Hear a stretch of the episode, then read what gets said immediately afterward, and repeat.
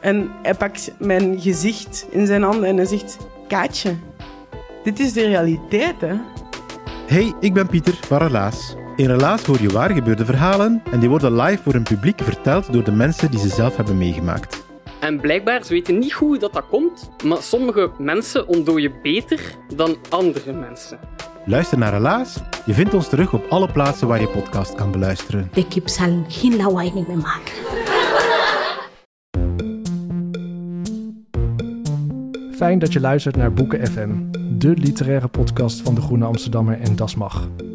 Wil je nooit meer een aflevering van ons missen? Neem dan een abonnement op ons in jouw podcast-app. Zo ben je als eerste op de hoogte als wij weer wat nieuws te vertellen hebben. Wij doen ook vreugdedansjes als we een mooie recensie of gouden sterren van jullie krijgen in jouw podcast-app. En je helpt je medemens omdat wij dan ook beter zichtbaar zijn in hun podcast-apps. Zit je met een vraag of heb je opbouwende kritiek voor ons? Mail dan naar boekenfm.dasmag.nl.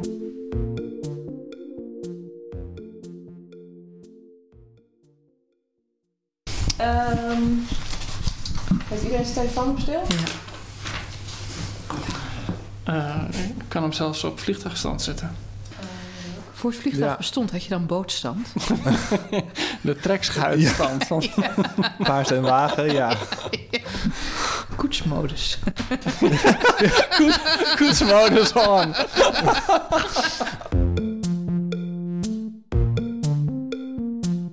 Bijna hadden we twee vliegen in één klap. Bijna.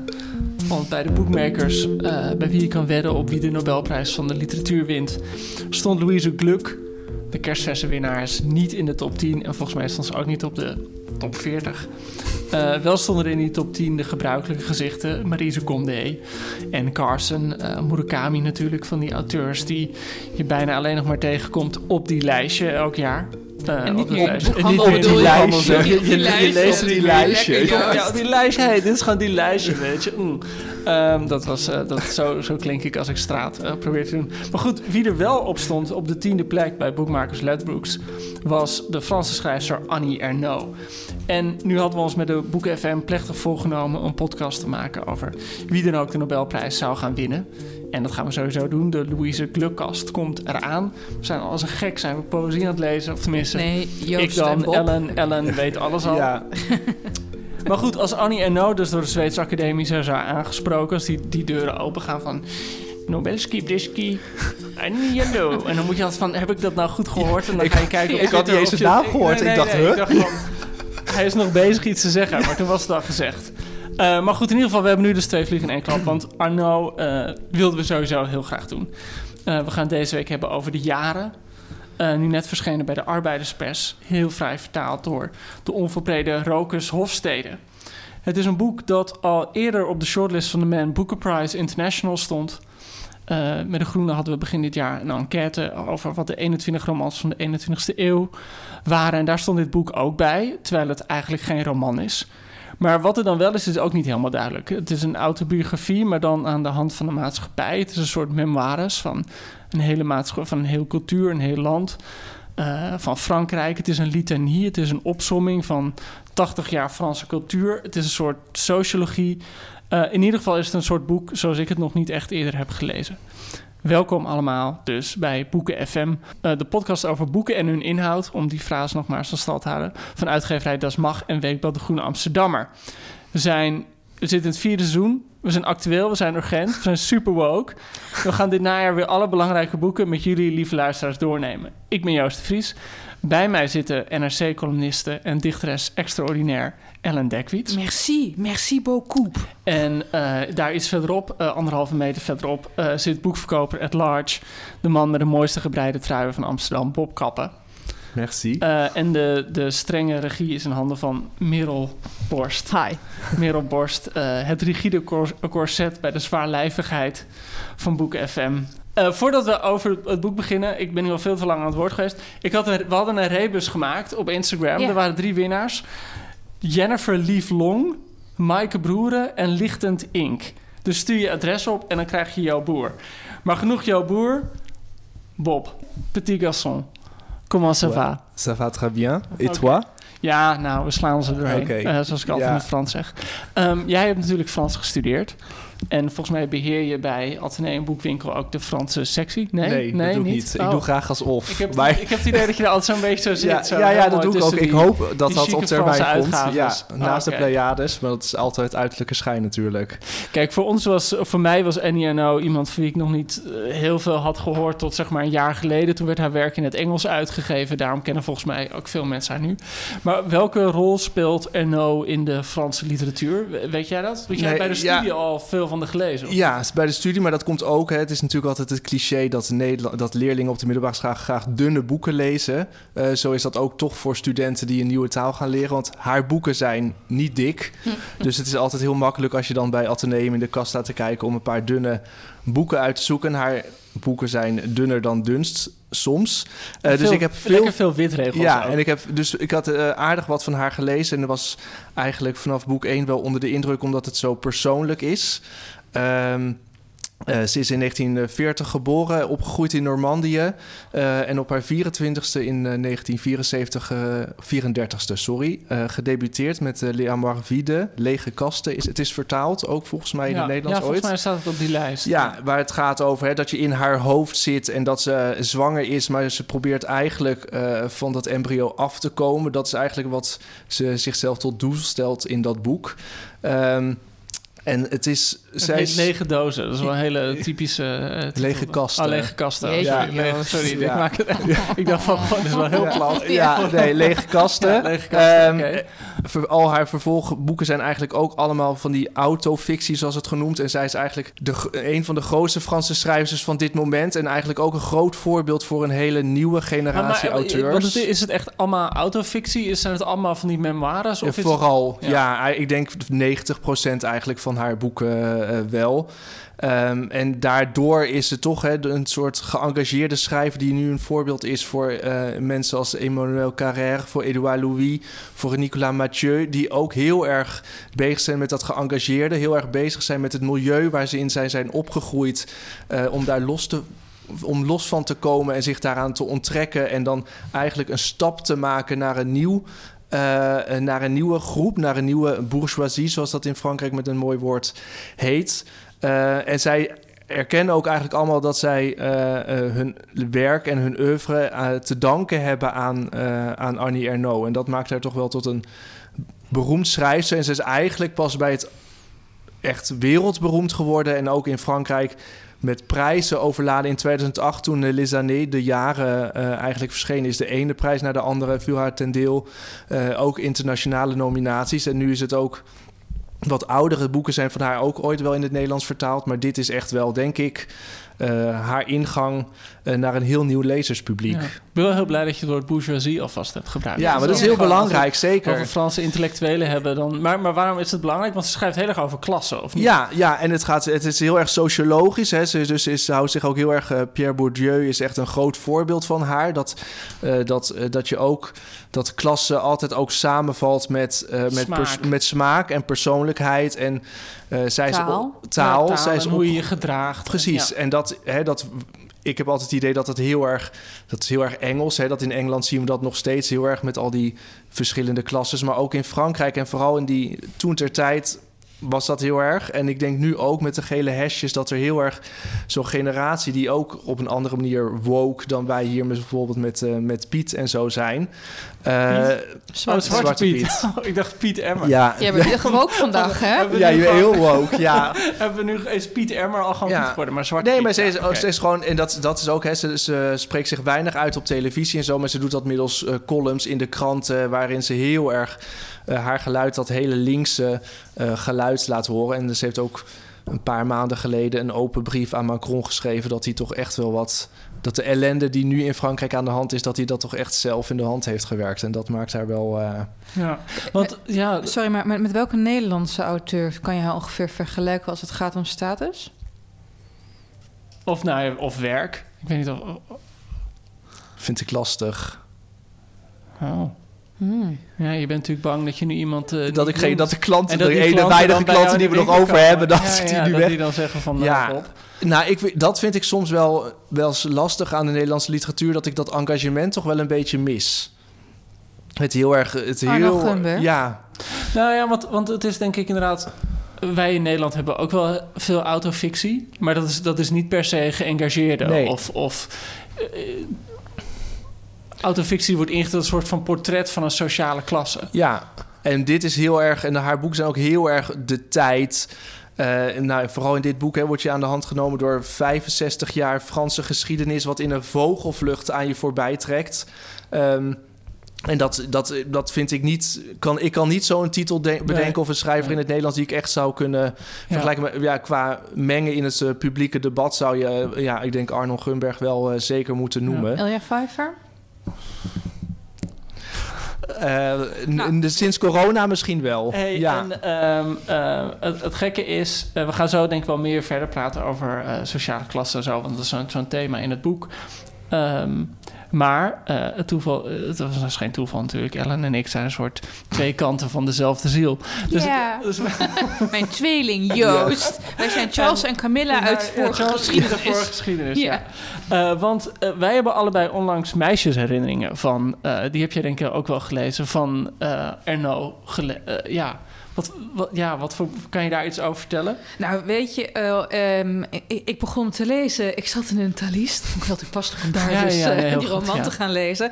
En ik, eh, ik, ik kwam aan op mijn eindbestemming. En het eerste wat ik deed was niet inchecken in mijn hotel... maar op zoek naar andere boeken van Erno. Ja. Ik was er echt door de roman Meisjes herinneren... ik was echt verpletterd. Wat me- meisjesherinnering is, ze beschrijft het heel mooi. Ze komt echt uit een soort van, nou, heel... Normandië, bur- ze komt- Burgerlijk Normandisch dingetje. En dan is ze 18 en dan gaat ze naar een soort lerarenkamp. ze, gaat naar een soort, eh, jongens, ze gaat naar een soort zomerkamp en daar gebeuren een aantal dingen. Eh, ze wordt geslutshamed. Ze heeft een nogal ja, gewelddadige reeks eerste seksuele ervaringen waar ze alsnog achter staat. Ze laat zich objectiveren. En 50 jaar later denkt ze: wat is er in godsnaam? Ja, want ze gaat er. Ik vind dat ze dat heel, ja, heel pijnlijk eh, beschrijft. Dat ze, of nou, pijnlijk. Ze gaat daar naartoe en ze weet van tevoren: dit is de zomer dat ik ontmaagd wil worden. Weet Ja. je wel? Dat is eigenlijk waar heel veel slechte of grappige films over worden gemaakt. Of, eh, alleen in de jaren Pie. 50, in de jaren 50 ging je niet naar eh, Jorette Mar, Franse maar baguette. gewoon eh, ergens op het Franse platteland. En wat, ja, het is een soort van, ze is heel bleu, ze is heel onschuldig, maar ze moet en zal ontmaagd worden. En zoek dan de meest foute jongen uit, Nou ja, die er echt vreselijk behandelt. Die kiest haar uit en dat, en dat is het sadomasochistische eraan. Ze wordt verliefd op hem, terwijl hij haar echt... eh, nou ja, ze, ze- het komt er niet van qua, qua, qua seks. Ze is te nauw geschapen. Dus eh, als compensatie eh, stort hij zichzelf uit in haar gezicht... wat erg grafisch wordt beschreven. Ja, heel grafisch. Maar het is ook een roman over identiteit die je zelf aanneemt... om maar niet weer te eindigen bij die identiteit die je bij de geboorte was opgelegd. Namelijk dochter van een armoedig kruideniersgezin. Twee ouders die de hele tijd aan het ruzie maken zijn. Een zusje van zes jaar ouder dat voor jou gestorven is. Wiens plaats je altijd moet innemen. Het is heel erg eh, een zoekende roman. En het deprimerende ervan is het beperkte aantal opties dat je hebt in zelfverwerkelijking. Dat vond ik heel knap aan meisjesherinneringen. En je leeft ook mee in. En het is zo. Kijk, ik lees natuurlijk ook. eh wij zijn tweeling Joost. Maar ik heb, eh, weet je, wat meer X-chromosomen dan jij. Dus je leest als vrouw lees je het ook een beetje anders. Je gaat nadenken over je eigen seksuele identiteit. Hoe dat tezamen met de cultuur waarin je opgroeide. een beetje tot stand is gekomen. Je ziet parallellen. En nogmaals, ik was verbluft. Het is wel, en dat is wel interessant dat je het zegt, want er is ook een, een paar jaar geleden een studie verschenen. Ik ben even de naam van haar, van die, eh, volgens mij was het een socioloog of een literatuurwetenschapper, dat weet ik niet meer. Maar die heeft heel erg eh, onderzoek gedaan naar de parallellen tussen Simone de Beauvoir en het werk van Annie Ernaux. En vooral over hè, eh, wat is je identiteit als meisje, hoe word je eh, gevormd door eh, de samenleving en eh, eh, daar, door, door mannen en het, het beeld van je familie en daar waar je opgroeit. Dat is wel, de, die parallellen worden wel regelmatig getrokken tussen de beide eh, schrijvers. Maar ja, Ernaux heeft ook geschreven dat de Beauvoir een enorme invloed. Dat Ja. het ook gewoon een soort van paradigmaverschuiving was... hoe ze zichzelf als vrouw beschouwde... en hoe ze moest handelen als vrouw toen ze Beauvoir voor het eerst las. Dus. Ja, en, en wat zo pijnlijk in dat meisjesherinneringen is... en dat is gewoon zo'n boek... Ja, ik weet niet of je dat iedereen moet aanbevelen... maar gewoon iedereen die een, een slechte ontmaagding heeft gehad... eh, kan hier... eh, ja, eh, kan, kan dit eens proberen en, en dat spiegelen. Want het is echt... Ehm, wat ik er zo sneu aan vind, is dat ze dan inderdaad... gaat met die jongen naar bed... en wordt dan inderdaad als de slet van het kamp aangemerkt. En dan gaat ze zich daar afhankelijk ook maar naar gedragen... omdat Ja. ze dan denkt van... oké, dit is nu... zo kan ik het omarmen, zo kan ik het ownen, zeg maar. Ja, en dan drijft ze volgens volledig af van wat ze zelf wil... en eh, en dan probeert ze heel stoer te doen. Ondertussen heeft ze nog steeds van die hele zoete herinneringen aan. Of eh, herinneringen, hele zoete beelden in haar hoofd van die jongen. Omdat ze dan eigenlijk denkt: ja, maar als hij me nu weer uitkiest. dan is het toch allemaal, heeft het toch allemaal een rol gehad. En ze begrijpt eigenlijk dat ze daar gewoon twee jaar van haar leven kwijt, van, kwijt mee is geweest. Ja, en het, het, het is ook, eh, ze- ze, gaat zich gedragen naar wat andere mensen van haar verwachten, hoe zij zich moet gedragen. En dat hele idee van culturele codes en hoe die ook verstikkend kunnen werken, ook al vlucht je en kies je bewust voor een nieuwe culturele code, dat komen we natuurlijk ook tegen bij Bourdieu. En daarmee is dat kringetje rond de klassenproblematiek Ja. in het oeuvre van Annie Ernaux weer helemaal rond. Maar ik moet erbij zeggen, alvast Joost, ik las dus meisjesherinnering en toen we de jaren gingen bespreken, dacht ik van, oh yes, krijg ik dit gratis opgestuurd. Dat is altijd fijn, want ik ben een dekwits, weet je, dat scheelt weer geld. En ik dacht tegelijkertijd ook van, oh, ik hoop maar niet dat dit boek me teleurstelt. Omdat de lat echt ontzettend hoog was gelegd door meisjesherinnering. Het is een beetje zo voor de wat oudere luisteraartjes. Toen Deus het geweldige album The Idol Crash uit had... was elke fan doodsbang voor de opvolger... dat hij niet de beloftes zou gaan waarmaken. Ja. Ehm, wat dat betreft, ik had dus natuurlijk ook meisjesherinneringen in gedachten. En dan lees je door de jaren heen. En dan weet je, je gaat eh, eh, naar die ontmaagding toe. Want eh, je- het is een portret van Frankrijk vanaf haar geboorte in, in 1940.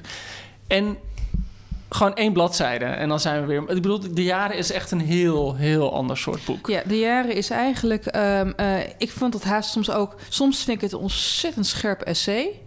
Soms vond ik het een enorm saaie enumeratio... van gewoon wat couleur lokaal. Of de tijdelijke vorm van couleur lokaal. Want lieve luisteren, wat Arnaud dus doet is... eh, er waren die en die reclames. Men keek naar die en die dingen op tv. Ze beschrijft heel erg de opkomst van de consumptiemaatschappij. Helaas vind ik eh, in niet zulke verfrissende, verrassende bewoordingen. En af en toe is ze juist weer ontzettend scherp over hoe, je, over hoe zij coming of age heeft. En ja, ik, eh, ehm, ik vond het een soort mix die ik niet helemaal bevredigend vond werken als vorm. Je klinkt een beetje teleurgesteld. Ja, ik, ik, ik was ook best teleurgesteld, maar dat komt. Ik vraag me af of ik enthousiaster was geweest wanneer ik niet eerst meisjesherinneringen had gelezen. Zal ik een stukje voorlezen? Ja, en, heb- en dit is, ze beschrijft inderdaad dat boek. Ja, wat, wat, wat, ik er, wat ze eigenlijk doet, en of tenminste dat voor mij is dat een zwaartepunt eh, van, van het boek. Je hebt in eh, Frankrijk is een hele mooie term, de Trente Glorieus. Ja. En dat is het idee van dat de 30 jaar na de oorlog, dus zeg maar van 1945 tot de oliecrisis van 1973. Dat was een periode waarin er ongelooflijk eh, veel groei was. Eh, mensen werden rijk. Het salaris van de gemiddelde Fransman ging met 170% omhoog. De koopkracht met 175%. Iedereen kreeg een tv, telefoons, wasmachines. En, ehm, en ja, het schrijft een beetje... Dus dit is, dit is een citaat. Alles wat zich in de huizen bevond was voor de oorlog aangeschaft. Speelpannen waren zwart geblakerd, ontdaan van, van het steel. Het email van tijltjes was afgebladderd. Lampetkannen waren lek, opgelapt met in het gat dra- gedraaide stukjes metaal. Jassen waren versteld, hemdkragen gekeerd, zondagse kleren door de weeks geworden. Dat je maar bleef doorgroeien maakte moeders wanhopig. Ze werden gedwongen jurken te verlengen met een strook stof, schoenen een maat te groot te kopen, al waren die een jaar later weer te klein. Alles moest langdurig meegaan. De pennendoos, de doos met de schildersbenodigdheden van Lefranc en het pakje Petit Beurre van Lu. Er werd niets weggegooid. Nachtemmers dienden als mest voor de tuin. Paardenvijgen, opgeraapt als er op straat een paard was langsgekomen, om bloembakken te onderhouden. De krant om groenten in te wikkelen, om de binnenkant van de natte schoenen te laten drogen, om je af te vegen op de wc. Alles om je heen was heel schaars. Spullen, beelden, pleziertjes. Inzichten ter verklaring van jezelf en de wereld... die beperkt bleven tot in de catechismusles... en de vaste preek van pater Riquet... tot de laatste nieuwtjes van morgen... die door Geneviève Taboe met haar volle stem werden verkondigd. Tot de verhalen van vrouwen die smiddags rond een glas koffie... hun levensverhaal en dat van hun buren deden. Kinderen bleven lang geloven dat de kerstman bestond... en dat baby's in een roos of een kool werden gevonden. En zo begint het boek ongeveer. En eh, nou, dan sla je 40 bladzijden, 50 bladzijden verder. En dan is het. Door het steeds sneller opkomende van nieuwe dingen verloor het verleden terrein. De mensen stelden zich geen vragen over het nut van die dingen. Ze hadden domweg zin om ze te hebben en leden niet onder als ze niet genoeg geld verdienden om ze meteen aan te schaffen. Ze reikten eraan gewend checks uit te schrijven, ontdekten de termijnbetaling en aankoop op krediet. Ze voelden zich op hun gemak en wat nieuws was, waren, ze, waren er trots op dat een stofzuiger een elektrische haardroger gebruikte. Nieuwsgierigheid won het van de argwaan. Ze ontdekten het rauwe en het geflambeerde, de steak tartaar, de pepersteak, kruiden en ketchup, gepaneerde vis en aardappelpuree in vlokken, diepvriesdoperten, palmhart, aftershave, Obadou badolie, Ganigo hondenvoer. De, ja, en, Zo ik gaat bedoel, zo gaat het wel door. 40, 50 pagina's door. Ja. Ehm, Maar en ik denk dat de kracht van deze roman ook niet in die aanhoudende enumeratio zit en het aanhoudend opsommen. Waar zit een, een dan in? Nou, weet je, ik las dus eh, een tijdje terug las ik eh, een heel mooi artikel in de Groene Amsterdam. Oh, de Groene Amsterdammer, onafhankelijk weekblad, zeer 1877. vooraanstaande schrijvers Oh. en literatoren hadden gevraagd om de hun, wat voor hen dan de belangrijkste romans waren van de Ja. 21ste eeuw. En Arjen van Velen, zeer gewaardeerd schrijver, die noemde dus de jaren van Annie Ernaux. En hij zei, want beste luisteraar, je hoort eigenlijk al in het fragment dat Joost nou aan het voorlezen is, hè, het gaat heel erg over zij en wij. Het is een soort meervoud. En Arjen van Velen die heeft daar een hele mooie analyse over geschreven, over dat gebruik van eh, persoonlijk voornaamwoorden in de jaren. En ik kan het niet nalaten om het even te citeren, is het maar omdat ik ook zelfs vrees dat hij het zelfs nog mooier opschrijft dan Arnaud het verwoordt. Let op. Dit raakt mij, dus de jaren, dus diep. Ik vermoed omdat het een kentering in de tijdsgeest markeert. Want het gaat over een L en een on, een ik en een wij die uiteindelijk samenvallen.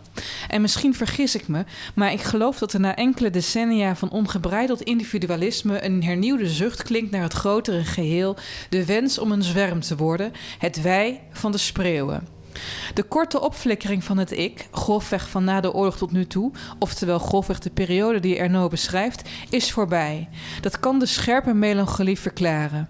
Op het einde van het boek beschrijft Ernaud haar hoop. Iets redden van de tijd waarna je nooit meer weerkeert. En misschien is dat iets niet alleen haar eigen ik, maar het individuele zelf.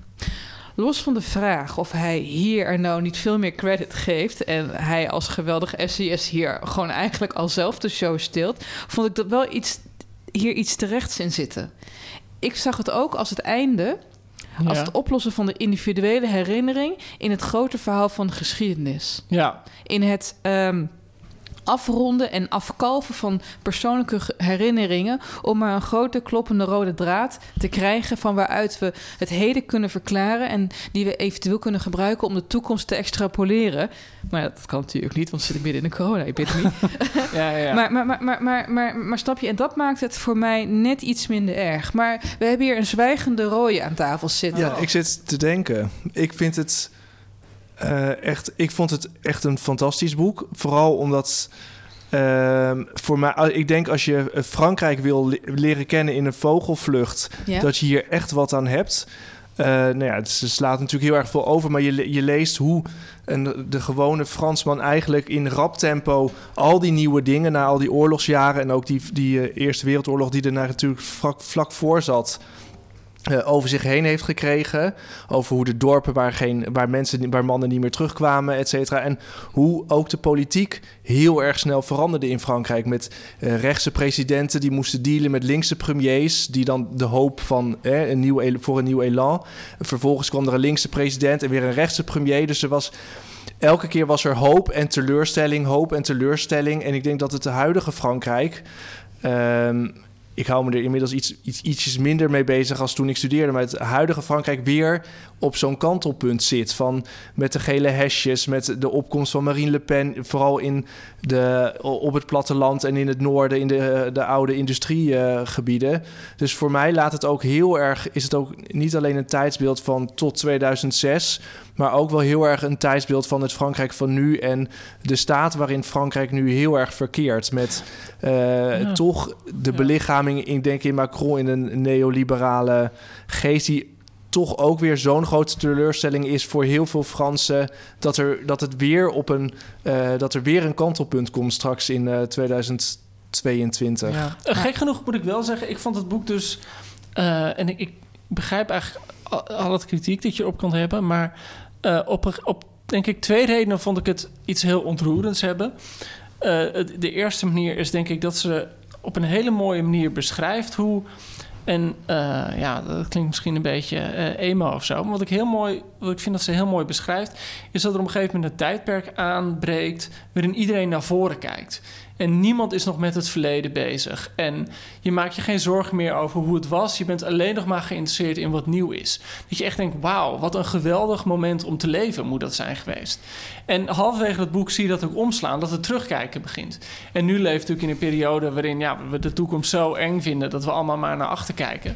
Maar eh, ja, ze laat heel mooi zien hoe... Ja, dat gaat natuurlijk ook gewoon over de fucking babyboomers... met alle mazzel die ze gehad hebben. Maar ze laat het heel mooi daarvan uit zien van wat gebeurt er als opeens er producten komen waarvan je drie jaar geleden nog niet wist dat ze hadden. Het leven wordt makkelijker. Je gaat opeens op vakantie. Er is opeens eten. Er zijn opeens mooie kleren. Er wordt overal muziek gemaakt. Er worden overal boeken uitgebracht. Alles is nieuw. Alles is mogelijk. Maar het wordt wel verteld vanuit een, eh, een witte vrouw, hè Joost? Ja, maar ze is nou helemaal een witte vrouw. Ja, en Frankrijk Nee, wordt natuurlijk beetje- inderdaad. Ja, Kijk, je, ja, je kan altijd bedenken al was je... Het heeft een schijn van volledigheid van de Franse geschiedenis van een kleine 80 jaar lang. Maar het is natuurlijk maar van één deel Nee, van de het, het, is samenleving. een, het is een meerderheidsgeschiedenis. Het is niet van alle minderheden. Die zullen zich niet in vertegenwoordigd voelen. Nee, inderdaad. En, en dat merk je ook wel. Dat, ja, soms gaat het wel over de Pieds Noirs. Hè, dus de Ja. Algerijnen die, die in Frankrijk kwamen wonen. Die het echt heel moeilijk hadden. Maar daar gaat het maar amper over. Ik bedoel, het gaat echt om die, s- het is die sneltreinvaart. Dus dat vond ik er ontroerend aan. En ja, wat ik er wel aan, aan vind... Ik, ik weet niet, ik, ik zat het te lezen. Ik moest gewoon heel veel aan mijn opa en oma denken. En ik moest gewoon heel erg denken aan dat, dat huis dat ze hadden. Dat gewoon vol met van... Echt van dat lelijke consumentenspul. Van die, van die dingen, weet je, een hoogtezon... die je gewoon Oh, niet ja. wilde, Ja. Helemaal niet nodig had... maar die je alleen kocht omdat je dat opeens kon kopen, weet je wel.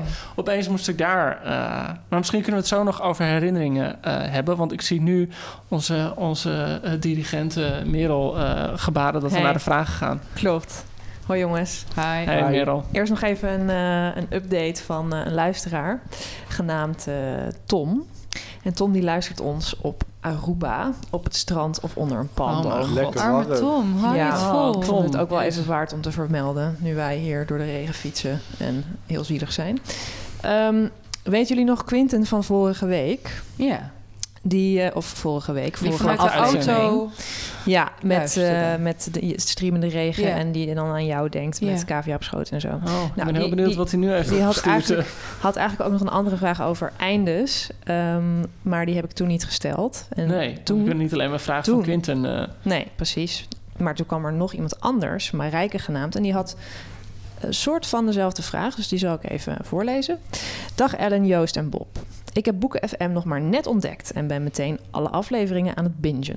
Zo fijn nog eens een grote diversiteit aan boeken te horen en tips te krijgen die verder gaan dan wat er overal in de etalages ligt. Ik heb een vraag, Bob. Hell yes. Burning Bob, ja. Burn, Bob. Ik Je heb mag een hem vraag voor inrichten jullie. hoor. Ja. Bij, bij het lezen gebeurt het vaak dat ik teleurgesteld ben door het einde van een boek. Ja. Vaak is het eh, happy peppy en daardoor onrealistisch, ofwel te open en te snel afgehaspeld. Welke boeken lieten jullie helemaal bevredigd achter en eindigen op een passende toon? Groetjes, Marijke.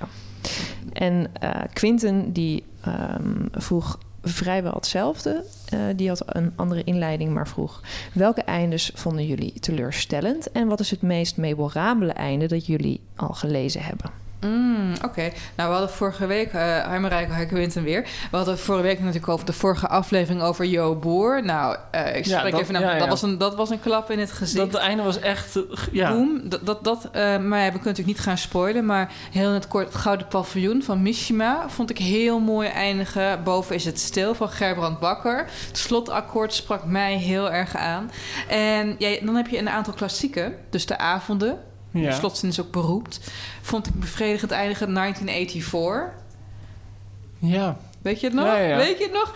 En ja, weet je, eh, maar, maar een, een einde wat mij echt heel erg beroerd achterliet. In, nou in, in de zin van het was zo sterk, maar ik kon het allemaal niet meer aan. Even daarna was eh, Everything is Illuminated. Ik, eh, ik las dat als tiener in de god, bibliotheek. ik heel lang geleden. En ik dacht van, of als tiener als student. Van En Jonathan ik was misselijk. Van, ik, ik, ik was echt onpasselijk. En niet vanwege gore dingen, lieve mensen, maar het is gewoon zo schokkend.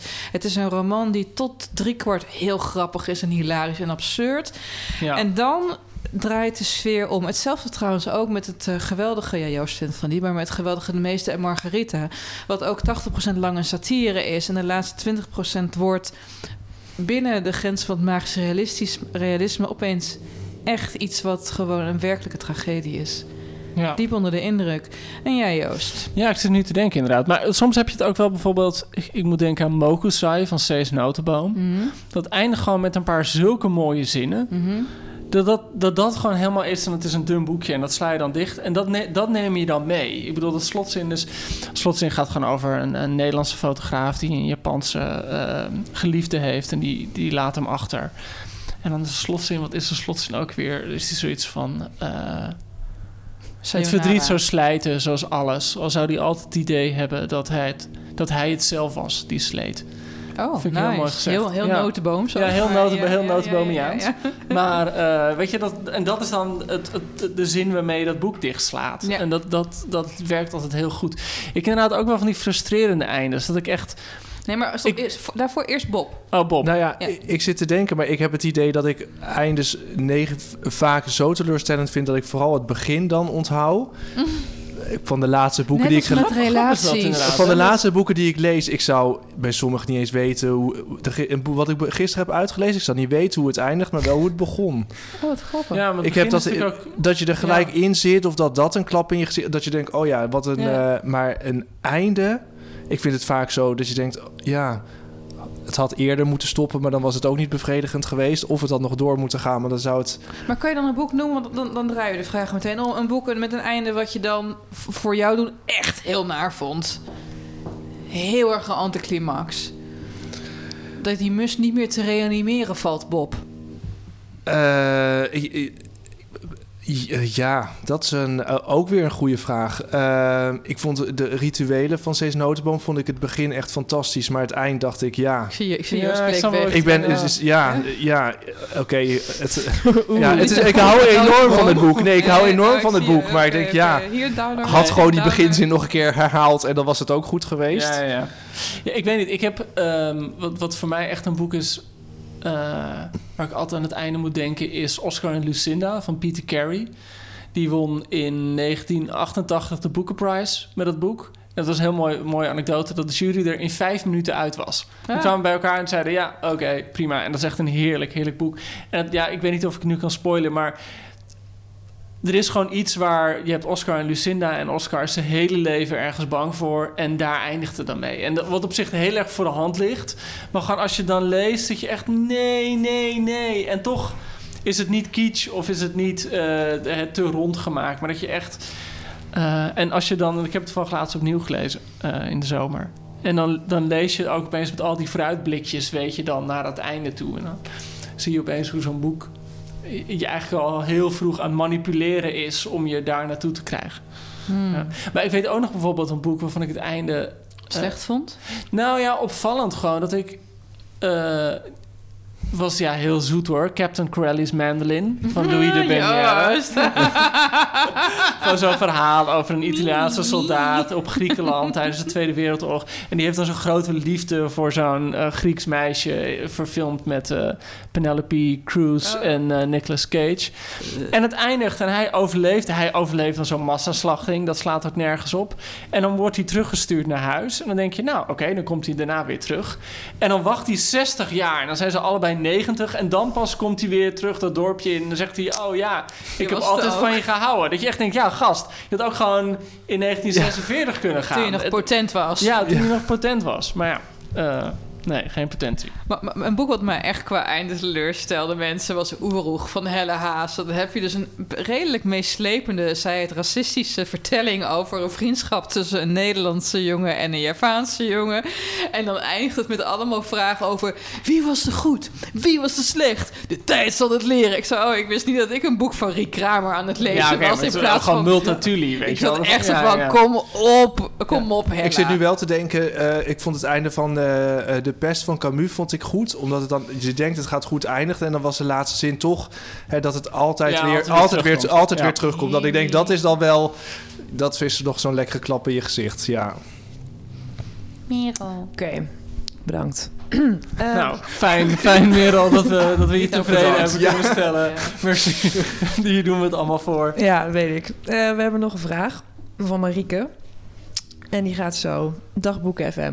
Eigenlijk heb ik een verzoek, maar ik zal het als vraag vermommen. Dat is wel zo beleefd. Komt-ie. Wat vinden jullie van gothic novels? En wanneer vinden jullie dat een boek onder dit genre valt? Oeh. De boeken van Michelle Paver bijvoorbeeld. Zeg ik dat goed? Dat weten we niet. Zijn volgens mij echte gothics, maar vinden jullie dat ook van veel subtielere boeken als Grime van Wietske Versteeg en Mm. het werk van Daisy Johnson? Ja. Zij maken wel gebruik van het griezeleffect en de bijbehorende schema's, maar zetten meer in op de psychologie. En Shirley Jackson? Mhm. Persoonlijk vind ik We Have Always Lived on the Castle een geweldig boek. En nou, met de recente verschijning van de film Shirley met haar leven als inspiratiebron, hoopte ik dat jullie misschien een gothic wilden bespreken. Of tips konden geven. Ik zou wel heel graag een Shirley... Ik, ik bedoel, ik heb dus deze eh, een paar weken geleden voor het eerst... We've Always Lived in a Castle gelezen. En dat, Ja. wat een heerlijk, wat een geweldig boek is dat. Zeg. Ja, goed hè? En want ik, ik wilde dus naar Shirley, die film. Ik weet dat Bob hem ook gezien heeft. En toen dacht ik, ja, daar kan ik niet naartoe gaan zonder iets van Shirley Jackson gelezen te hebben. Ah. En ehm, Maar je had de Heb ik wel gedaan. gelezen? ja, de lot, ja, ik ken wel een aantal korte verhalen van haar. Maar ik dacht van, ik moet ook die roman lezen. En zoveel mensen hadden het al bij me getipt.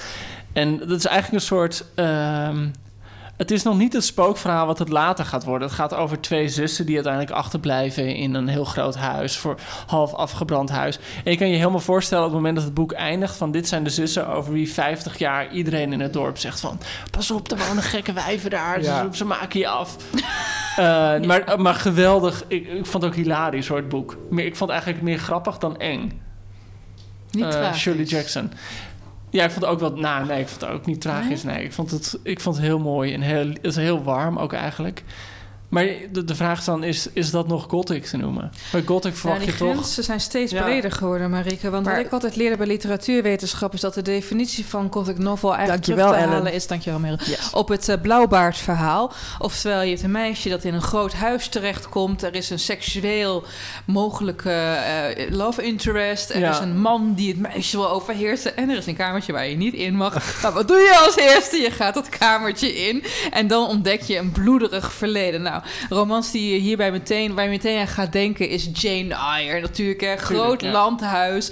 De, de ex-vrouw van haar baas, op wie ze ook verliefd wordt... die woont op zolder, althans niet geheel vrijwillig. ze is in de, ja, gedwongen onderhuur, zullen we het maar noemen. Ik denk ook, want kijk, het is eigenlijk in de 20e eeuw... ja, 19e eeuw eigenlijk al meteen... werd het gothic novel genre steeds breder begonnen... en er ook steeds meer onder te scharen. Spookverhalen, spookgedichten, het werk van, eh, van Edgar Allan Poe. En er ontstonden, er, er zijn zelfs literatuurwetenschappers geweest, wij weten, die ook het werk van Hermans bijvoorbeeld. En Reef bij Hermans het geval van Nooit meer slapen. Je hebt een onheimlich, je hebt een daylight horror, onheimliche omgeving. Je hebt een mysterieuze verdwijning van een Ja. moeder. Je zoekt iets bovennatuurlijks. Haast het bovennatuurlijk is ook altijd wel een belangrijk component in de gothic novels. Daar zou je het ook eh, onder kunnen scharen. Ja, als ik denk naar, aan modernere schrijvers, Flannery O'Connor. Ja, Zij schreef eh, eh, Southern Gothic, romans die uitbuiten van het gevaar voor jonge meisjes, maar ook een samenleving die een, die een constante dreiging voert. Eh, Margaret Atwood, The Handmaid's Tale, jonge vrouw, seksueel in gevaar in een huis waarin het verleden ook allemaal enge dingen heeft. Dat is gewoon ook voor mij althans een blauwdruk voor een gothic novel. En grappig eh, dat je Daisy Johnson noemde, voor de mensen die haar niet kennen, Everything Under. Zij was genomineerd. Ja, voor de, de shortlist, voor de. Booker Prize. Ja. Ja, en dat is eigenlijk, vind ik, niet zozeer een gothic novel, als wel het is een hertelling van het Oedipus-verhaal. Het is iemand die haar hele verleden ontdekt. En ook ontdekt dat ze met haar broer zo naar bed is geweest. Ja, ik heb het heel snel gelezen op een oud en nieuw feestje... Ja. waar ik ook oxazepam had geslikt. Want het was oud en nieuw, was nog een veel lawaai... maar ik wilde toch een boek lezen. Maar ehm, Ja, en, en bij Gothic Novel heb je ook een beetje het idee van... er is altijd een soort van grote seksuele onderdrukking. En die onderdrukking is dan vaak... eh, wat, wat voor de onrust zorgt. Weet Ja. je wel, dat, dat, bij heel veel van die boeken. eh, wat ik een van de beste Gothic novels vind van Henry James. Is A Turn of the Shrew. Eh, screw. ehm, waar je de hele tijd afvraagt van... is er nou wel iets aan de hand? ja. En dat heb je natuurlijk bij Shirley Jackson ook in een paar verhalen. Dat Ja. je denkt van, is er nou een boven natuurlijk iets? Of hebben we gewoon met een gekke verteller te maken? En daar word ik dus zo zenuwachtig van. Ja, persoonlijk. Want dat, ik ging de lottery herlezen nadat ik de film had gezien. Dat ik echt dacht, wat is dit eigenlijk voor... Waar, waarom vind ik het zo eng? Maar ik werd, er gewoon, ik werd er gewoon fysiek echt heel zenuwachtig van. En dat vond ik wel echt... eh want er gebeurt eigenlijk, ja... Wat gebeurt er nou eenmaal in zo'n verhaal? Maar ja. Misschien moeten we even vertellen wat een lottery is. Het is een heel beroemd verhaal van Shirley Jackson En een uit heel beroemde reactie erop. Go. 19... eh, wat is het? Vlak na, vlak na de Tweede Wereldoorlog. 48 Ja, of zo, zoiets. zoiets. Stond in de New Yorker. En het gaat over... Nou ja, het begint heel vriendelijk. Gewoon een boerendorpje ergens in Amerika... waar het hele dorp bij elkaar komt. ieder jaar een, lot, een lottery. Ieder jaar. En die hebben een loterij. En je hoort die mensen wel een, praten, een beetje praten van... Goh, eh, is die en die er wel? Want ja, je moet wel meedoen. En eh, nou, eh, ik heb gehoord dat ze in een ander dorp gestopt zijn met een loterij. Van nou, wat een gekkigheid. En je ziet ergens... Wordt en passant gezegd dat kinderen een beetje wat steentjes aan het verzamelen zijn. En je denkt gewoon, nou ja, kinderen eh, Spelen, eh. spelen en die verzamelen steentjes. En dan vervolgens wordt die loterij gedaan. En dan verliest dus één, of één iemand wordt het. En, één eh, familie verliest dan. En dan binnen die familie Wordt wordt, dan één weer, weer Ja, één wordt dan- persoon ja. gekozen. Ja. En eh, nou, dan snap je opeens waar die stenen voor zijn. En mensen waren wit heet Woedend. toen Ja. dit verhaal uitkwam. Eh, me- mensen zeiden, ja, dit, dit kan toch niet? En waarom was men zo boos? Omdat het iets zei ook, het raakt een gevoelige snaar over die samenlevingen in der tijd. De, de mensen die spontaan opeens het slaglam waren... deden natuurlijk ook denken aan de oorlog zelf... waar het gewoon heel leuk raak was wiens kind terugkwam en wiens kind niet. Het raakte ook aan een wat dieper element, een soort haast heidendom dat wordt verafschuwd in de Amerikaanse Ja, dat samenleving. Amerikanen, Eh, ja. het, het, het, het verhaal deed me ook een beetje denken aan het verhaal van The Wicker Man. Hebben jullie die film gezien? Ja, ja, Dat ja. Ook een Oh, god. beetje in uh, Midsommar voor de Ja, millennials. ja, onder soort, ons. ja, ja. ja, het is eigenlijk Midsommar. hè? ja, ja. Wicker Man. Of omgekeerd. eh Midsommar is de Wicker Man. Ja, maar goed, en weet je, kijk, met gothic novels... en volgens mij heb ik het hier ook wel eens eerder over gehad in de podcast... kijk, mijn guilty pleasures zijn natuurlijk de, de, de Vampire Chronicles van Anne Rice. Die zijn ook sexy, maar punt daarbij is dat de protagonist zelf de dreiging is. En volgens mij is het bij gothic novels zo... dat Nee, de dreiging dat- de protagonist overkomt. En moeten we Ja. Mary Shelley nog? Is het Ja, zeker. Frankenstein? Ja, Frankenstein. Ja, Frankenstein, maar... Nou, is Frankenstein Gothic? No, dat, dat is gewoon echt met een monster. Ja, dat het is met monster een is monster, eigenlijk maar, niet een monster. Het is eigenlijk wel een aardige vent. Maar, Ja. maar, maar het onkenbare, Ja, het, ja, het dat. een, te maken hebben met een natuurkracht, of die nou van spirituele of fysieke aard is, die groter is dan jij. Stille dat- kracht is natuurlijk ook een heel mooi voorbeeld. En dat Ja, Southern Gothic, wat je vaak nog wel in combinatie eh, hoort, is dat nog ook iets specifieks? Dat, want Carson McCullers kan me ook herinneren dat, hij, onder dat Southern Gothic wordt. Ja, dat Genoemd. dus dan het idee dat je in een... eh, maar dat, dat is heel erg het idee van wit meisje Ja. in een landhuis... omringd door voormalig tot slaaf gemaakt. Ja. eh, waardoor gewoon dat meisje helemaal beknot is door de maatschappij. En, en nou ja, White Sargasso Sea van Ja. Jean Rice, eigenlijk hetzelfde. Het meisje groeit op, eh, omringd door vrijgemaakte slaven en eindigt zelf, eh, nou, als bovenhuurder. Ja, Ja. joh. Ja. was er nog een vraag, Merel? Nee, dit, Oh. eh, dit was het even, Oh, jongens. Nou, wat hebben we dat snel gedaan? Wat goed. Kijk, lieve luister, dan gaan we weer terug naar de jaren. En het is lastig, merk ik trouwens, Bob en Joost, om het over deze roman te hebben. Ja. Omdat het geen roman is. En dat is meteen een van de dingen waar ik ook niet zo lekker op ging. Het heeft geen echte handeling. Het is een opsomming van dingen. Nou, bij sommige dingen, je had erbij moeten zijn. Eh, Ja. ik, ik werd er moe van op een gegeven moment. Maar tegelijkertijd waren er ook momenten dat ik de boek aan het lezen was en dacht van... oh, dit is wel heel erg goed en scherp. Mag ik een paar dingen oplezen? Ja, wat ik echt, eh, die ik echt. eh, ik vond het heel leuk, namelijk dat, ik, dat je je eigen cultuur er ook aan kan toetsen. En dat je denkt van, oh god, als ik kijk naar hoe de Nederlandse geschiedenis van de 20e eeuw is gerepresenteerd in Nederland, dan kan je dingen tegen elkaar eh, afzetten. En eh, bepaalde gedachten vond ik ook heel interessant. Bijvoorbeeld hoe, je, hoe die wederopbouw gevolgen heeft gehad voor de ervaringen en de, de, de relaties tussen de jongere en oudere generaties. Ehm, ik vind de duiding die zij aan de meirevolutie van 68 geeft, voor de mensen die, eh, die het niet weten, er was een studentenopstand in 1968, die ehm, uiteindelijk naar alle klassen van de Franse samenleving zich uitbreidde. En mensen eisten een breuk met het verleden, meer seksuele vrijheid, meer vrijheid van klasse, vrijheid van de kerk, eh, vrijheid van de conservatieve Franse samenleving. En heel even leek het alsof dat een keerpunt zou worden in ja, de Franse sociale structuur. Wat werd het natuurlijk niet. We hebben een paar podcasts geleden ook Houellebecq behandeld, die eh, de hele tijd eh, korte metten maakt met die generatie van 68, omdat het in zijn optiek een soort redden, een, eh, ja, een verloederd liberalisme met zich meebracht, waardoor mensen alleen maar voor hun eigen genot gingen en niks meer deden aan bijvoorbeeld het opvoeden van kinderen. Ehm, dat vond ik in deze roman ook best wel interessant. Want, Ja, eh, zegt- want Ernaud is, is, is een halve generatie ouder dan Houellebecq. Houellebecq is het 58. Zeg maar, Bob. Ja, want ze zegt letterlijk in het boek, echt ook bijna op de helft, eh, anders denken, praten, schrijven, werken, leven. We vonden dat we alles moesten uitproberen en niets te verliezen hadden. 1968 was het eerste jaar van de wereld. Ja. Het gekke Ja. is, eh, ik vond dat ze over die, die 68-revolutie nog...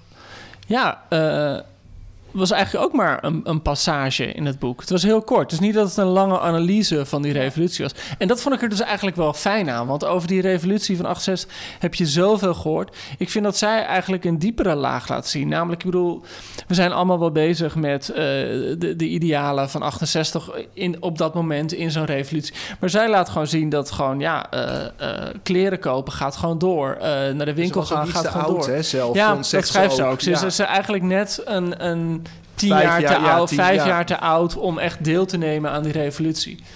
Eh, want zij was eh, 28 en, en het waren natuurlijk vooral eh acht, ja, 20-jarigen of zo die, Ja. dat, eh, die dat voerden. Wat ik wel heel mooi vind, waar ik altijd wel, wel gevoelig voor ben hoor. eh, James Salter, een van de mensen over wie ik het te Mm. vaak heb in deze podcast, eh, die heeft wel eens gezegd van herinneringen zijn nooit scènes. Het is eerder alsof je, je herinnert jezelf een scène. Het is eerder alsof je in een trein staat en je ziet gewoon eventjes dat fragment, de snelrijdende trein van het landschap. En dan kan iets gebeuren, maar meer dan dat zie je niet. Ja. En dat is dit gewoon heel erg. En, eh, Snapshots. dus Snapshots. En ik, ik, dat heeft me, het boek is 220 pagina's. Het heeft me denk ik 150 pagina's helemaal meegenomen, die trein. Eh, en, en toen, als ik eerlijk ben, eh, vond ik het wel fijn om weer, weer over te stappen. Eh, dus dus ik, ik heb het, ik heb, bedoel, ik heb natuurlijk Conducteur in elkaar maar- te slaan. Ja, ja, conducteur in zijn gezicht te hoesten. Ehm, eh, ik weet niet, ik had misschien net iets meer meisjesherinneringen erin gehoopt. Ik, ik was ik wel benieuwd naar ben bij jullie, want het is natuurlijk zo'n, we hebben al een paar keer gezegd, je gaat helemaal door die in vogelvlucht door die Franse geschiedenis in. Ehm, maar bij mij kwam pas het, het houdt op in 2006. Ehm, voor mij kwam eigenlijk vlak daarvoor pas het moment dat ik ook eh, mijn eigen geschiedenis begon te herkennen. Eigenlijk met de aanslagen op 11 september. Ik was toen eh 11. Oh, je bent zo jong. Nee, maar toen dacht ik, dat heeft mij... Toen dacht ik, dat is een van de eerste dingen... die ik me echt heel erg levend kan herinneren. Eh, en toen begon het boek ook iets meer te leven voor mij. Ik dacht, waar hadden jullie zo'n moment waarvan je dacht... dit is ook in mijn geschiedenis... ehm, Ik weet, ik weet niet of je, eh, althans als je, eh, ehm, ik heb altijd, mijn- als ik voor mezelf spreek, ik heb altijd met mijn hoofd in de geschiedenisboeken gezeten, waardoor je op een gegeven moment ook niet zeker meer weet wat je wel en niet hebt beleefd. ja. En eh, ik was er eigenlijk al vanaf het begin van die oorlogsjaren bij, ook omdat, even, omdat ik door twee mensen ben opgevoed die de oorlog bewust hebben meegemaakt. ja. Dus ik had het veel eerder. Maar ik had het omgekeerde, Bob. Deze roman eindigt vlak voor een aantal gebeurtenissen die Frankrijk ook heel erg zouden tekenen. eh, namelijk de aanslagen. Ja, zeker. De dreiging. De, eh, eh, en, en Sarkozy is nog niet eens president als het Nou, ophoudt. Precies, precies. Eh, eh, ze beschrijft al een beetje de opkomst van Marine Le Pen. Maar dat is, weet je, het, het gaat meer over de opkomst van Front National van haar vader. Is het, Ja. is klopt? Front Ja. National is het, hè? En eh, daardoor deed het mij ook af en toe weer een beetje gedateerd aan. En daar kan zij niks aan, kan het boek niks aan doen. Nou, dat komt natuurlijk ook omdat het nu pas in het Nederlands vertaald is. Hè? De- zo- eh, het is in Oh, 2008 dat is in waar, Frankrijk eh, verschenen. Ja. Eh, dat maakt natuurlijk dat je wel ook een beetje Frankrijk zegt. Dat, is- dat klinkt wel heel, heel Frans uitgaan. Oh, dat weet ik Nee, niet. Dat nee, gaat... dat klinkt- klinkt heel goed. Dat is alsof de meer serieus. gradatie van, Ja. van mijn oma heel erg eh, Rotterdam in plaats van... Gewoon, oké. ik kan dat ook niet normaal Ah, oké, uitspreken. Ja, ja. Ja, ja. Ik kan Evre niet normaal. Ja, nee. Ik kan echt niet. Nee, maar dat vond Ja. ik wel, eh, weet je, ik herk Ja. uit de Franse van met geschiedenisles ook, hè, die al die machtswisselingen van al die presidenten, ik herkende ze allemaal, maar gewoon dat er echt dat, dat bepalende, wat Mhm. voor haar dus, nou ja, in de jaren 50 begon, begon voor mij in dit boek was echt in 2000, eh, tijdens in 2001, ja. Ja. Ja, maar, maar nu heb je het over algemene ge- historische geschiedenis. Dat is geen pleonasme, lieve mensen. Maar wat ik, wat, wat ik wel wat ik heel mooi vond daarnaast is hoe zij heel herkenbaar de persoonlijke coming Ja. of age, de persoonlijke geschiedenis. Want ik heb een paar voorbeelden. Om geen dan vertelt ze dan dat ze een beetje gaat lezen als later puber en zo. En dan schrijft ze: Ach, het is toch zo plezierig om over jezelf te denken in fonkelende formules. Zoals de mogelijkheid van een wereld zonder zonde begon te gloren. En dat vond ik echt heerlijk. Of dan beschrijft ze hoe ze als meisje gewoon moedeloos wordt van alle mannen om haar heen en jongens. En dan zegt ze van ja, hoe al die jongens op schoolplein dachten het alleen recht op humor te hebben. Ja, ik vind dat soort kleine Ja. inzichten, dat vond ik. eh, en dat, en, en, eh, dat, dat, dat vond ik veel, veel, veel sterker. Ehm, wat ze ook vertelde, eh, is dat tot de jaren zeventig er helemaal geen ruimte was. Tot eigenlijk de documentaire reeks Shoah. Er in Frankrijk, althans in de kringen waarin zij verkeerde, geen ruimte was om het over de Tweede Wereldoorlog te hebben. Althans over de verschrikkingen. Heeft op een gegeven moment heeft ze, zegt ze van Boegenwald was lange tijd in ons land een privéverschrikking. Daar had je het gewoon niet buiten de deur over. Dat vond ik ook. Schokkend. Joost, jij hebt een fragment opgezoekt. Ja, ja ik zit... Ik zit ehm, we kregen net die vraag over eindes. En ik dacht, ik ga gewoon het einde van het boek voorlezen. Dat is geen spoiler, maar volgens mij zegt ze... ehm, eh, komt ze daarmee precies uit. Sorry, het, het is niet heel lang om voor te lezen. Toen ze vroeger in haar studentenkamer verlangde naar het schrijven... hoopte ze een onbekende taal te vinden... waarmee ze mysterieuze dingen kon onthullen, als een waarzegster. Ook stelde zich het eenmaal voltooide boek voor als een openbaring van haar diepste wezen aan anderen. Een superieure prestatie. Iets glorierijks. Wat zou ze er niet precies voor hebben overgehad om schrijver te worden? Precies zoals ze als kind hoopte op een ochtend wakker te worden als Scarlett O'Hara. Later in haar leven in rumoerige klassen met 40 leerlingen, achter een winkelkarretje in een supermarkt, op het bankje van een plantsoen naast een kinderwagen, had ze die dromen niet meer. Er was geen onzegbare wereld die als bij toverslag uit bezielde woorden tevoorschijn komen. En ze zou nooit ergens anders over schrijven dan binnen in haar eigen taal, de taal van iedereen. Het enige werktuig waarmee ze dacht invloed te kunnen uitoefenen op wat haar verontwaardiging wekte. Het boek dat ze wilde schrijven behelsde, kortom, een strijdmiddel. Die ambitie heeft ze niet opgegeven. Maar meer dan wat ook, weer wat ook ze nu zou vat willen krijgen op het licht dat spoelt op inmiddels om inmiddels vergane gezichten en tafellakens overleden, overladen met verdwenen voedsel. Het licht dat al aanwezig was in de verhalen tijdens de zondagse familieetentjes uit de kindertijd. En dat onverpoost op de dingen is blijven neerdalen, zodra ze het verleden gingen behoren. Een licht van vroeger. Redden wil ze. En dan komt een opsomming. Het kleine dorpfeest van Bazog-sur-Rouenne met de botsautootjes. De hotelkamer in de Rue Beauvoisine in Rouen. De wijnbottelaarster in de Carrefour van Rue Parmelin Annecy. De draaimolen van het kuuroord Saint-Honoré-les-Bains. De piepjonge vrouw met rode jas op het trottoir naast de wankelende man die ze was gaan ophalen uit het café in de winkel van La Roche-Poussée. De film Des gens sans importance. De half verscheurde poster drie- eh, 3615 Ulla voor een sekslijn op Mietenel onderaan de helling van de weg naar Fleury-sur-Andelle. Een bar en een jukebox die Apache s- speelde. Een huis in een tuin aan Avenue Edmond Rostand 35. De blik van een zwart-witte kat bij het inslapen na de prik. De man in de pyjama op sloffen die elke middag in de hal van het bejaardenhuis in Pantouse huilend aan de bezoekers vroeg of ze zijn zoon wilde bellen. Hij reikte ze een smoezelig papiertje met een telefoonnummer aan. De vrouw op Hoxines foto van het bloedbad in Bentala, Algerije, die op een pieta leek. De verblindende zon op de muren van Saint-Michel begraafplaats, gezien vanuit de schaduw van de Fundamenta Nuove. Iets redden van de tijd waar we nooit meer zullen zijn. Ik bedoel, uiteindelijk is, is eh, kan je bij dit boek, kon ik me bijna voorstellen dat ze het ook niet had gepubliceerd. Omdat het voor mij zo ontzettend particulier aanvoelt. Dit is gewoon wat zij zich, eh, om, om dat James Hall te beeld te geven. Ze kijkt terug naar het leven en dit zijn de blikken die ze bijhoudt. Dus ik bedoel, aan de ene kant kan ik me helemaal goed voorstellen dat dit voor sociologen en historici heel fijn is om hier beelden uit te halen. Aan de andere kant denk ik, ja, gewoon meer pretentie dan dat dit gewoon het leven is hoe zij ze heeft meegemaakt. Ik kan me ook eigenlijk niet voorstellen, Bob, maar misschien weet jij dat, dat ze hierna nog meer boeken schrijft. Dit voelt gewoon aan als punt. Dit is het einde. Volgens mij was dit het ook. Nou ja. Nou, ze leeft nog. Ja, ja, ze leeft nog, maar Maar, weet- mij... maar ik denk dat ze daarom misschien ook al die prijzen heeft gekregen. Omdat het, weet je wel, dit is dan het slotakkoord van je oeuvre. weet je wel. En, het, en, en, en, het- en je kan hier een heel mooi rapport over schrijven. Van ja, dit laat een hele. Weet je, de, de, de ambitie van het concept lijkt me eerder beloond dan de kwaliteit van de uitvoering van dat concept. Oké. Ja, Dus, nee, eh, ja. de- ja. Nee, nee. Ja, Mag je, Ja. mag je vinden. ja, maar goed. Nou, ik denk dat de laatste zin wel heel erg de lading van het boek dekt. Dat ze toch heeft geprobeerd Ja, eh, d- dingen te vatten... opdat ze niet vergeten worden of op die manier... eh, haar kijken, want ze doet natuurlijk ook aan de hand, aan, aan de hand van foto's. Daar hebben we het, eh, nou ja, eh, aan de hand van foto's probeert ze ook eh, het verhaal te vertellen. Ik denk dat dat is wat ze geprobeerd heeft Maar eh, weet, je, we- weet je, eigenlijk is dat dezelfde pointe als de overigens geweldige roman Het Land van Herkomst van Edu Perron. Hij zou ook leuke prijzen naar vernoemd trouwens.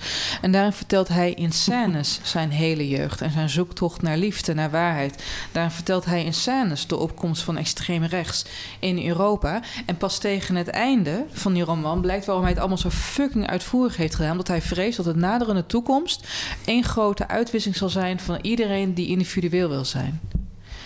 Dus dat, grappig is dat, dat dit dat ook is inderdaad. Ja, ja, Dat, Ede Perron slaagt er beter in, maar goed, dat terzijde. dat, We dat is, een, gaan dat is een afronden, mooie, dat is een mooie jongens. blurb We- van eh, Ellen. Ja, Perron was de- beter. Edi Perron was beter. We moeten gaan afronden. We geven een cijfer en ik geef het een 6,5. Schiet me maar door, Arjen van Velen. Ik geef het een 8,5. Eh, ik geef het een 7,5.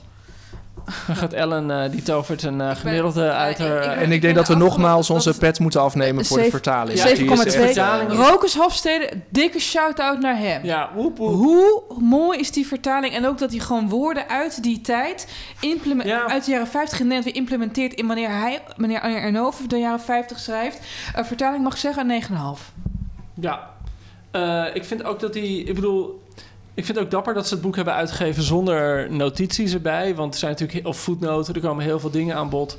Eh, en ik, ik vind ook wel dat Rokers Hofstede het in zijn waarde laat of zo. Door Ja. gewoon niet alles letterlijk te vertalen. Soms ook gewoon de Franse term. Ja, Heel goed gedaan. 7,2. Oké, eh, jongens, want volgens mij gaat de lockdown over een paar minuten in. Dus we moeten nu echt... eh zo Alcohol gaan anders zitten we halen. hier voor eeuwig met elkaar. Wat een hele lange podcast oplevert. En eh, ongemakkelijke andere dingen. Eh, dan moeten we erbij zeggen... Joost. ja, op, want ik zie je wel kijken. Oké, ehm, als je nog vragen hebt eh, of, eh, of eh, vindt dat ik ontslagen moet worden, mail naar uh, Let's go, people. dasmacht.nl. Eh, laat ons weten ehm, waar je eh, ons luistert. Dat vindt Ellen altijd heel leuk. Ja. En waar we ook nog je aan gaan lievelingsdier werken is. volgende keer... is dat we een Boeken FM dating service op gaan zetten. En dat mensen Ja. hun beste boeken kunnen insturen... en dan andere mensen ook. En dan kunnen we ze aan elkaar koppelen. 24 uur met Joost de Vries. Nee, Kun je maar winnen. niet met mij daten, maar met elkaar, de lezers. Ik, Weet ik, Joost. Ehm, ehm, hebben, we, hebben we nog andere dingen die we met die microfoon Ja, de DJ is bij een Ben Dorfdisco. Hé, hey, lekker nummer. Ben ik ook. Non-verbaal gebeurt er hier zoveel. ervaring. echt, eh, ja. Maar goed, ik moet weg. Ik moet op tv. Doei. Ja, Ellen. Ja, bedankt. Ellen Doei. is famous. Yes. Doei. Jongens, à la prochaine. À la prochaine.